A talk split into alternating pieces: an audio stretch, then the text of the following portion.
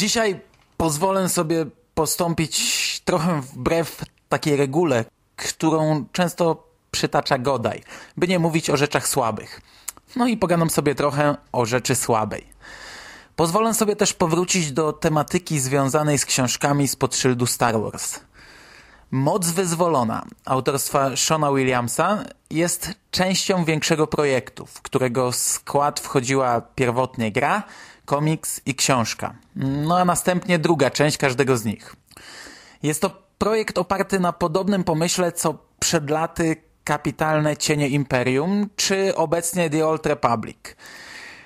Ja zwykle podchodzę do takich projektów ze sporymi oczekiwaniami, nawet mimo wcześniejszych, nie najlepszych doświadczeń. Nie czytałem jeszcze nic z The Old Republic, ale jak dotąd w moim odczuciu tylko w przypadku Cieni Imperium taki duży projekt się udał. Mm, jest jednak pewna subtelna różnica. W Cieniach to powieść była punktem wyjścia dla całego przedsięwzięcia. W Mocy Wyzwolone jest to gra. No i niestety takie zagranie automatycznie przekreśla powodzenie książki. Mm, choć przyznam, że była to pierwsza książka oparta na grze, jaką czytałem. Mm, nie wiem, może w innych przypadkach wychodzi to lepiej. Choć gdzieś tam w kolejce czeka u mnie ruiny Dantooine ze Star Wars Galaxies, o których słyszałem również same złe opinie.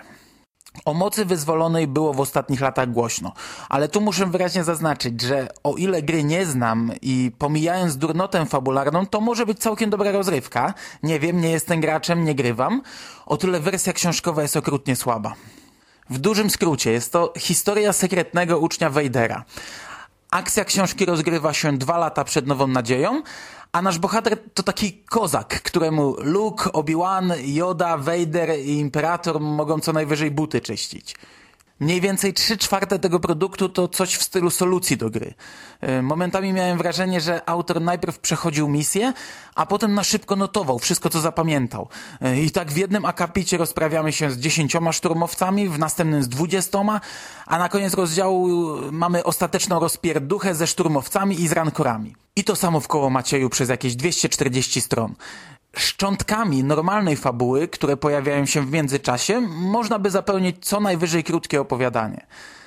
Zresztą, aby nie zanudzać czytelnika normalną fabułą, mamy tutaj coś takiego jak robota Proxy, którego zadaniem jest trening z głównym bohaterem, Starkillerem, a podstawowy program mówi, że ma go zabić.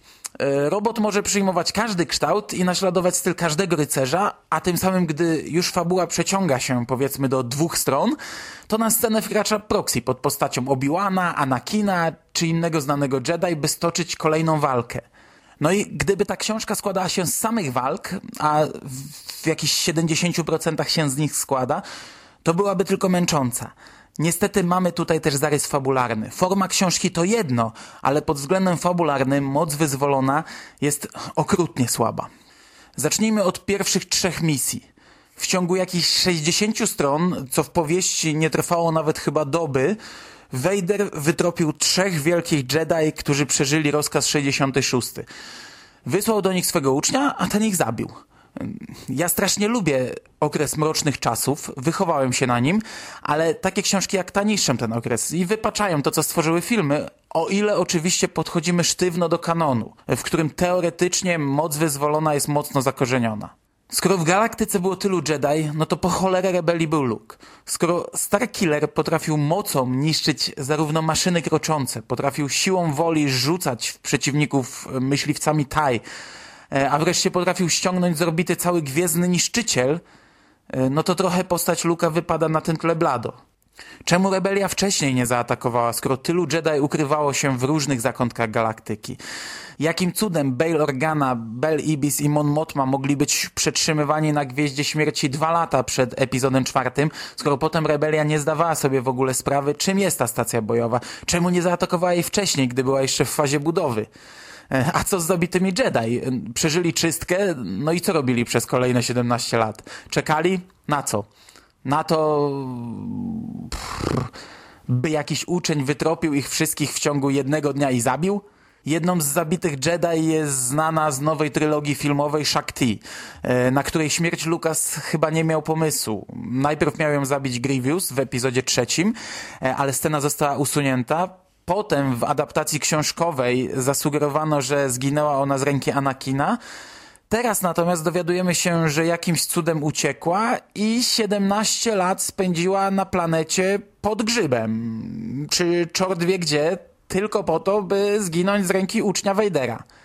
No bardziej kretyńsko już się nie dało zakończyć historii tej postaci. Co jest ciekawego w tej pozycji? Książka ma ładną okładkę. To po pierwsze. Po drugie, ostatnie 70 stron. Z tym, że nie pod względem fabularnym, a ich forma. E, bo to nadal jest do dupy książka, ale gdy po 240 stronach opisu sesji gry dostajemy wreszcie jakąś normalną fabułę, no to choćby nie wiem jak głupia była, będzie stanowić balsam dla czytelnika. Teoretycznie ciekawy jest sam pomysł. Wielokrotnie obserwowaliśmy już przejście na ciemną stronę mocy. Tutaj mamy sytuację odwrotną. Uczeń nigdy nie znał jasnej strony, a mimo to ostatecznie ratuje tych dobrych. Chociaż robi to w naprawdę y, przekraczający wszelkie granice sposób. Pozwolę sobie nie spoilerować. Mm. Prawie do samego końca używa jednak błyskawic sitów, chowa się za żywymi tarczami czy zabija, no bo innej drogi po prostu nie zna. Nie rekompensuje to jednak nawet w małym procencie durnot fabularnych i ciężkiej przeprawy przez opisy kolejnych misji. Bardzo, bardzo szczegółowe opisy.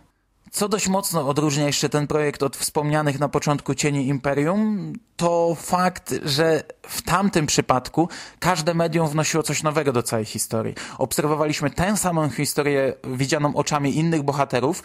Każde medium, książka, komiks czy gra dokładała kolejne elementy łamigłówki. W komiksie mieliśmy sceny, których nie było w książce i tak dalej.